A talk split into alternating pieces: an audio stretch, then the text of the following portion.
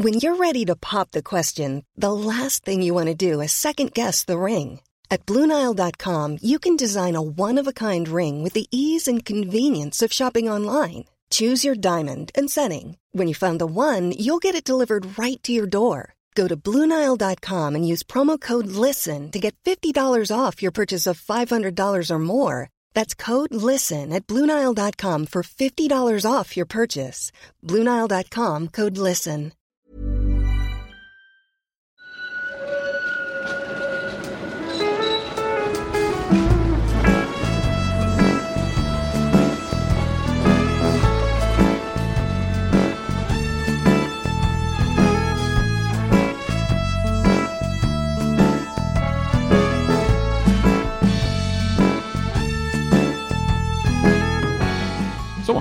Nu kör vi på riktigt. Välkomna ska ni vara till ett nytt avsnitt av Gator och torg i Göteborg. En podd som görs av lokaltidningen Göteborg Direkt tillsammans med historieexperten Mattias Axelsson. Hej Mattias! Hej Johanna. Johanna Ros heter jag. Jag jobbar som reporter på tidningen. Eh, och det, idag är det fredag eh, eftermiddag. En, Eh. en kall sådan. En kall sådan, nästan någon slags kylrekord för den här vintern tror jag. Ja, och vi hade lite svårt att hitta varandra när vi skulle spela in det här avsnittet. Ja, jag satt på ett café och väntade här på Frölunda torg och eh, Mattias satt på ett annat. För jag eh, sa ju att vi skulle ses på David Bagare här på Frölunda torg. Och då satte du dig på det kaféet som heter David Bagare, vilket ju var rimligt. Medan jag satte mig på det kaféet som alla kallar för David Bagare. Ja, och jag kände när jag satt där att det här stämmer inte riktigt. Är det här verkligen det riktiga David Bagare? Så jag frågade de som jobbar där om det finns ett till. Och då så sa hon att eh, nej, men det finns ett eh, som kallas för David Bagare längre bort. Och jag tror att det är så här, nu kanske jag får smäll på fingrarna, men det kaféet där vi sitter, som jag tror heter Café Cappuccino numera, har hetat David Bagare tidigare. Och att i, hos Frölunda bor så är det fortfarande det här som kallas för David Bagare. Ja, det känns rätt. Ja, hur som helst så hittar vi varandra till slut i alla fall. Eh, och vi ska idag prata lite grann om Frölunda torg. Eh, och vi ska mm, ganska långt tillbaka till att Ja, börja jag med. gillar ju som historielärare att gå långt tillbaka i historien. Vi har ju varit på 1600-talet och rotat tidigare, men idag så ska vi faktiskt ända tillbaka till stenåldern. Och det är alltså väldigt långt innan man kunde sitta på någon David Bagare överhuvudtaget. Varför heter det egentligen Frölunda? Det finns egentligen två hypoteser kring det här varför det heter Frölunda. En väldigt vanlig som jag har trott på tidigare, det är att det är ett gammalt ord som betyder, eller kommer från Fröslund, och alltså Frejas lund. Freja var ju fruktbarhetsguden i den nordiska mytologin, alltså innan kristendomen kom till Sverige på 1100-talet.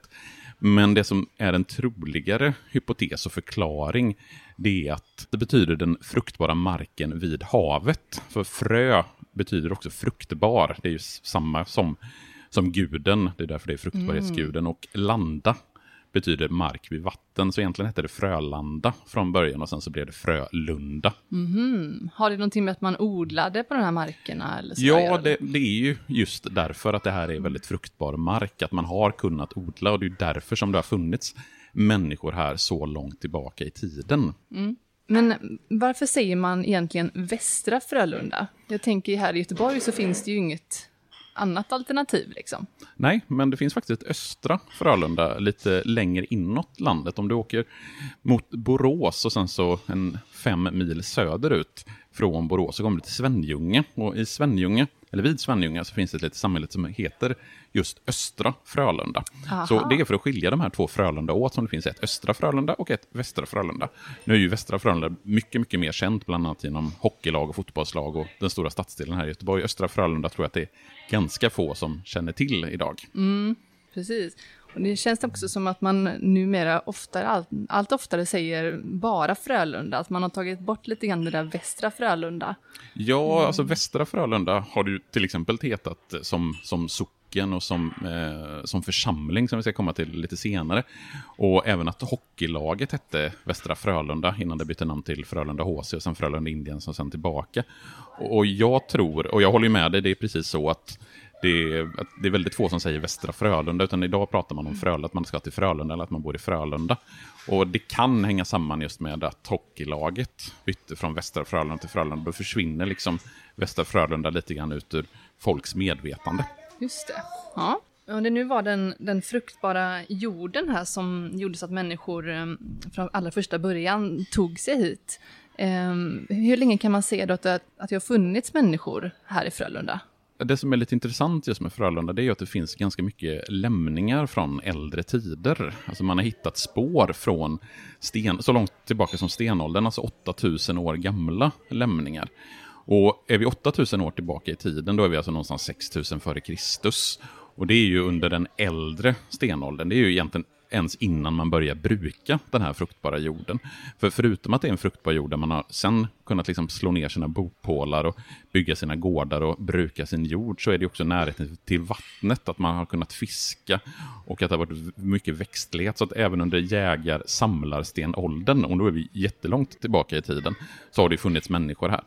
Eh, sen under den yngre stenåldern, och då är vi ungefär 5000 år sedan, då börjar Frölundabor att hålla boskap, och man börjar odla säd, man börjar bygga gårdar. Och det är inte bara här i Frölunda, utan det är ju över hela det som sen ska bli Sverige, som den här eh, första agrara revolutionen, som man kallar det inom historieämnet. Det vill säga när vi går från att vara jägar-samlare till att bli bofasta. Eh, och det är också då som man börjar anlägga gravar. Det finns en sån stenåldersgrav på Toftaåsen som är ja, ett ganska långt stenkast härifrån där vi sitter. Och överhuvudtaget så finns det mycket fornlämningar just i Frölundaområdet. Om vi går norrut så kommer vi till Rudalen, det stora friluftsområdet. Och där finns det bland annat bronsåldersröse, så vi har liksom lämningar även för bronsåldern. Det finns järnåldersgravfält. Och det finns uppe på, eh, på ett av bergen i Rudalen så finns det ju en gammal fornborg bevarad. Och, och, nu ska jag bara för er som inte riktigt har koll på det här med fornborg, alltså det är ingen stor sån här riddarborg som jag vet att när jag var på Öland för många somrar sedan och vi skulle åka till en fornborg så hade jag någon bild av att det skulle vara en sån här stor riddarborg. Men det är ju ett röse, det är, så mycket, det är ju rivet så man ser liksom grunden till den här fornborgen uppe på det här berget. Och då är vi någonstans i slutet på järnåldern, övergången till, till medeltiden. Och sen under medeltiden då, vad, vad ska man säga hände då? Det är alltså först på 1200-talet som vi vet att det här området runt Göta älv blir svenskt. Och jag återkommer gärna till det i de här poddarna, just att Göteborg med sitt läge har varit porten mot väster, alltså in, även långt innan Göteborg grundas, 1621, alltså för 400 år sedan, så var ju det här området Sveriges utlopp mot Västerhavet. Det var genom den här lilla springan vi hade Danmark, söder om oss och sen Norge norr om oss på Hisingen upp mot Bohuslän. Så det här var den lilla springan ut i väst som vi kunde, liksom, om vi kunde vilja handla med, med de brittiska öarna och så vidare. Och i och med att vi har Danmark söder om, eh, om oss och Norge norr om oss, så är det liksom ett liksom konfliktfyllt område. Det är ett område där det har krigats en hel del. Och det är ju först i och med freden i Roskilde, som jag ofta återkommer till 1658, då Halland blir svenskt och där Bohuslän blir svenskt. Och hela det här området, både norr om och söder om Göteborg, blir svenskt. Det är liksom då som Frölundas roll som gränsområde lite grann försvinner. Eh, men vid den här tiden, vad skulle man säga att Frölunda är för någonting? Alltså Frölunda under medeltiden, för det är då vi har liksom de äldsta beläggen för namnet Frölunda. Mm. Då är det en socken och en socken, det skulle väl närmast kunna liknas vid en kommun idag. Alltså ordet socken, det kommer av att människor söker sig till en gemensam kyrka. Mm. Men det motsvarar ungefär liksom en kommun. Och tittar man på hur Sverige var indelat då, vi pratar medeltiden och tidig modern tid in på 15, 16, 1700-talet, så var det ju landskap, och då är vi i Västergötland. Och sen var landskapen uppdelade i härader med en häradshövding. Och Frölunda socken ingick i Askims härad som var liksom en större härad. Och i de olika socknarna så fanns det byar. Och i Frölunda socken så ingick det ungefär ja, ett 30-tal byar och många av de namnen på de byarna lever ju kvar i stadsdelsnamn idag. Vi har Åkered, vi har Fiskebäck, vi har Flatås, vi har Högsbo och vi har även Frölunda. by. Och det som är lite intressant här och som jag tror inte så många känner till det är att tittar vi på gamla Frölunda by, alltså inte Frölunda socken, för Frölunda socken omfattar liksom hela det här jätteområdet från Näset, jätteområdet kanske överdriver, men det är från Näset i söder upp till Kärringberget, Hinsholmen, Kungsten i norr och bort mot Änggårdsbergen, så där går gränsen. Men Frölunda by däremot, det var ju en by i Frölunda socken. Och Frölunda by, den låg där den gamla kyrkan från troligtvis 1200-talet låg. Och den gamla kyrkan, den låg där kyrkogården ligger.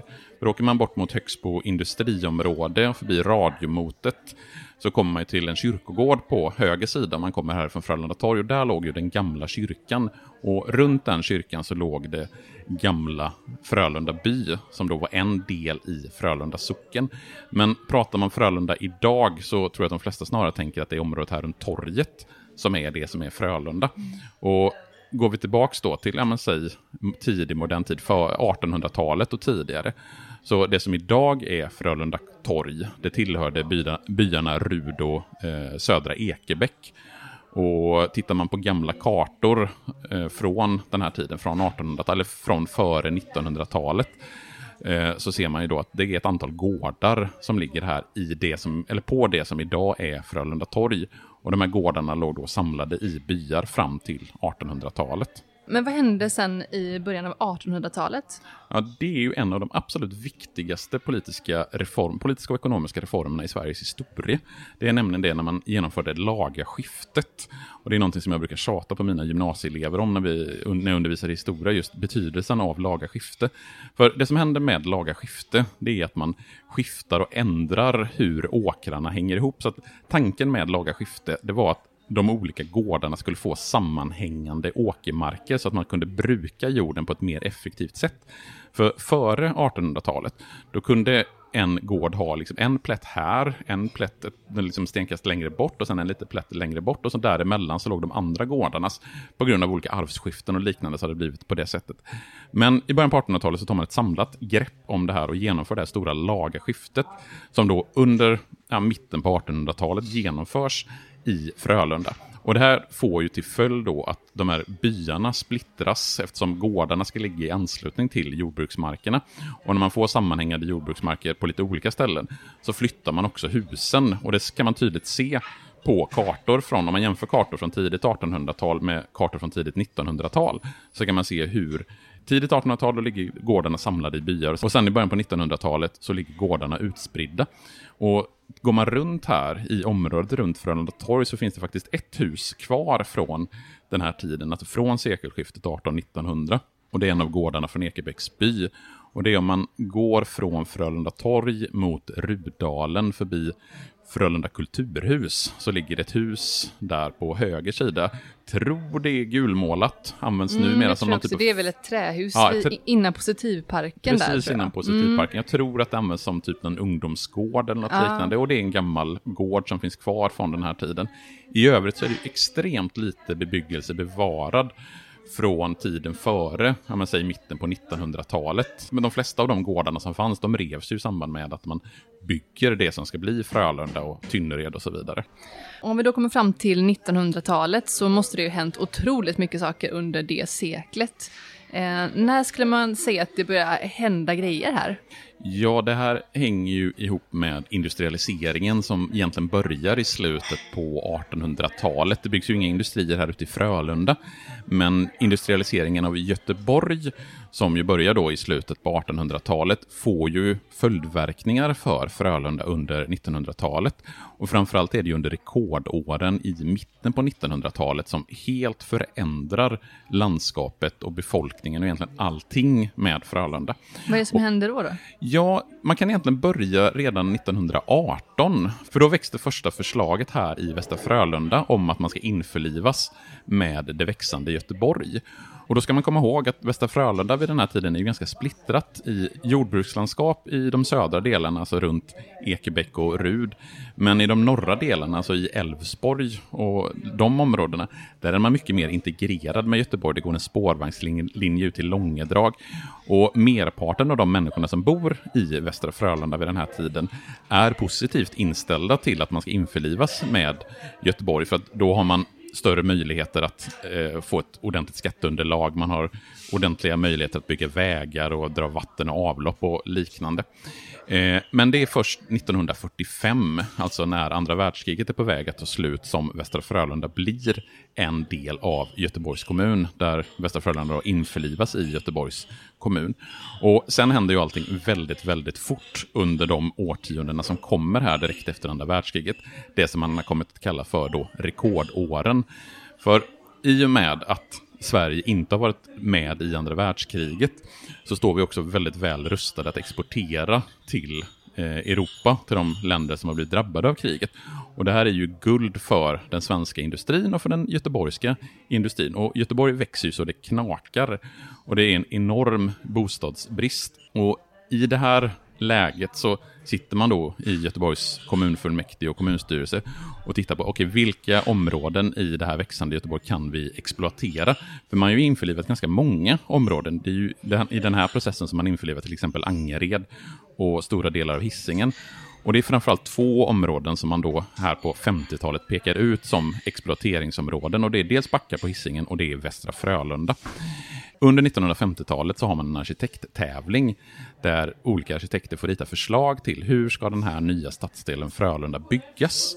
Och de flesta av de förslagen som kommer in, eller åtminstone de förslagen som vinner och kommer tvåa i tävlingen, där skissar man på en mycket, mycket mer nära, alltså mer av ett bysamhälle där de nybyggda husen ska följa bergskanterna och en mycket av jordbrukslandskapet och gårdarna ska bevaras.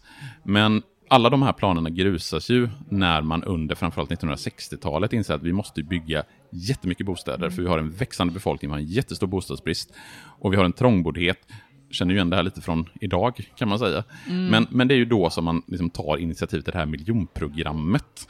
Att man, och idén är ju att man mellan 1965 och 1974 på tio år ska bygga en miljon bostäder i Sverige. Ungefär samtidigt då som miljonprogrammet byggs så växer ju det här Frölunda torg fram. Eh, när började man bygga det här?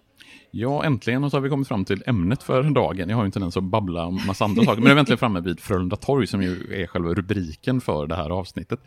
Och precis som du säger så är ju Frölunda torg samtida med miljonprogrammet. Det är inte en del av miljonprogrammet, för miljonprogrammet är väldigt tydligt de här statliga satsningarna. Och Frölunda torg tanken med Frölunda torg det är ju att det ska bli ett så kallat B-centrum. Vad innebär det? Det, det innebär att A-centrum, det är ju liksom centrum, centrum. Det är dit alla ska åka. B-centrum, det är ett centrum för en stadsdel. Där de flesta grejer ska finnas. Det ska finnas affärer, det ska finnas apotek, det ska finnas eh, post och det ska finnas den typen av service. Det ska vara liksom större än vad till exempel Axel Dawsons torg som du och jag besökte för ett mm. par månader sedan. Eh, och det har det ju verkligen blivit. Det är ju ett centrum för den här delen av Göteborg. Men man börjar ju planera för Frölunda torg redan under 1960-talets början. Och det är det kommunala bolaget Göteborgshem som bygger torget under mitten av 1960-talet. Och då har man gjort ett antal resor till USA för att där inspireras av de gallerior och de köpcentrum som man hade som var väldigt vanliga i USA under mitten av 1900-talet.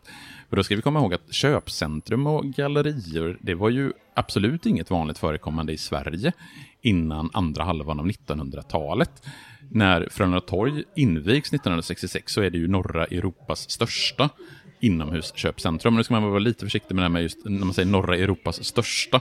För norra, gränsen för norra Europa, det kan ju vara lite flytande. Men det, när det, jag läste en artikel i en tidning från invigningen 1966 och då kallas det för norra Europas största ja, okay. köpcentrum. Men vad, vad hämtar man då för inspiration från USA som man kan se på utformningen av torget? Ja, det är framförallt arkitekturen. Eh, för arkitekterna Erik Tillaus och Hjalmar Klemming, som är de som har designat eller ritat torget, eh, de har inspirerats av, tror att det är Gallerier Chicago, och det är bland annat hur man har tänkt och planerat när man har byggt med ljusinsläpp, för det är ju ett torg som har ganska bra med ljusinsläpp. Och det närmsta som du kommer att jämföra med ett annat köpcentrum här i Göteborg, det är med Nordstan i, vid Brunnsparken i centrala Göteborg. Och Nordstan och Frölunda torg skiljer ju sig åt väldigt mycket, eh, även om de är relativt samtida. Jag tror att Nordstan invigs väl någon gång på början på 1970-talet. Men Nordstan är ju väldigt tydligt så, det är ju ett par kvarter som man har lagt tak över.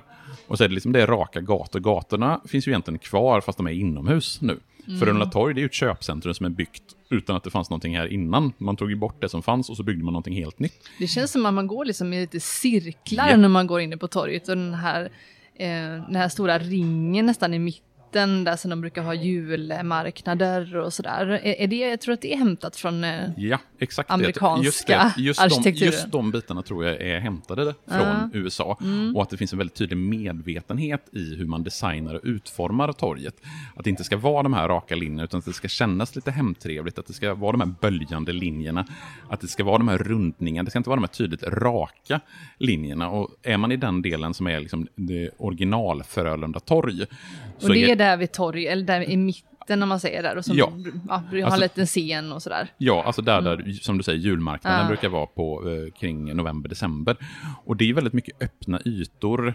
Det är, alltså, trapporna snurrar sig ner, mm. det är ganska rundade former, det är inte de här raka linjerna och ogästvänliga mm. utformningen som jag upplever att Nordstan är. Och innan coronapandemin slog till så fanns det också väldigt mycket platser där du kunde sitta på Frölunda torg. Det fanns liksom fåtöljer mm. och det är mycket grönska, det är mycket växter på Frölunda torg, vilket gör att det är ett väldigt inbjudande torg på ett helt annat sätt än vad till exempel Nordstan är. Mm, mm, det håller jag med om. Men när är torget klart då? Den 8 september 1966. Var det invigning då? Ja, då är det invigning. Ja. Och då är kommunikationsminister Olof Palme på plats. Han är den som ska få klippa bandet och den som ska få inviga Frölunda torg. Eh, och det är ett cocktailparty med 2000 inbjudna gäster. Och det är ett ganska roligt eh, citat ifrån Göteborgs Handels och Sjöfartstidning. Där de skriver att Herr Palme hade dock svårt att överrösta sålet från de 2000 gästerna som mumsade korv, köttbullar och rökt lax. Och det känns ju väldigt, väldigt svenskt på något sätt det här att man har en, en galainvigning där man får smaska på korv, köttbullar och rökt lax. Men det är alltså den 8 september 1966 som torget invigs. Och då är, förekommer det även fyrverkerier i samband med den invigningen. Det var någonting som var ganska nytt i Sverige. Det var ganska ovanligt med fyrverkerier. Jag vet jag pratade med en gammal kollega mm. som bodde i närheten. Och han, fick inte, han var för liten för att få gå på själva invigningen, men han bodde ett stenkast bort på, jag tror det är Mandolingatan. Och de, då såg han fyrverkerierna från Frölunda torg under invigningsdagen och det är någonting som liksom verkligen har präglat hans minne av torget. Och sen så blir det här torget ett väldigt populärt torg redan från början och väldigt uppmärksammat torg. Det vinner flera fina arkitekturpriser just för arkitekturen. Men man ser, vad, vad fanns det då för butiker eller sådär, precis när man öppnade? Ja, det är ju som sagt då norra Europas största köpcentrum och det finns två varuhus, det finns en bowlinghall, det finns kontor, det finns sjukvård, det finns socialkontor, det finns restauranger, det finns, jag kommer inte ihåg exakt hur många butiker, om det är ett hundratal butiker någonting som finns. Mm. Och det som är speciellt med Frölunda torg, om man jämför det till exempel med Axel Dahströms torg, det är att utbudet på butiker redan när det byggs i slutet på 1960-talet är stort. Alltså du kan åka hit och få det du behöver i princip. Du behöver inte åka in till stan eller till centrum för att, till A-centrum för att handla. Utan du kan göra dina ärenden här på Frölunda torg eller på torget som man säger i Frölunda. Det är väldigt få här i Frölunda, i Frölunda som kallar Frölunda torg för Frölunda torg, utan man säger torget. Mm. Eh, att man ska åka till torget och handla. Eh, och det är ju liksom grundtanken med att bygga det här torget, det, det, är att man ska kunna göra sina ärenden här och man ska inte behöva åka in till, till centrum. Eh, för ungefär tio år sedan så byggdes ju torget ut ganska rejält. Eh, men hur har torget liksom förändrats genom åren från att det byggdes?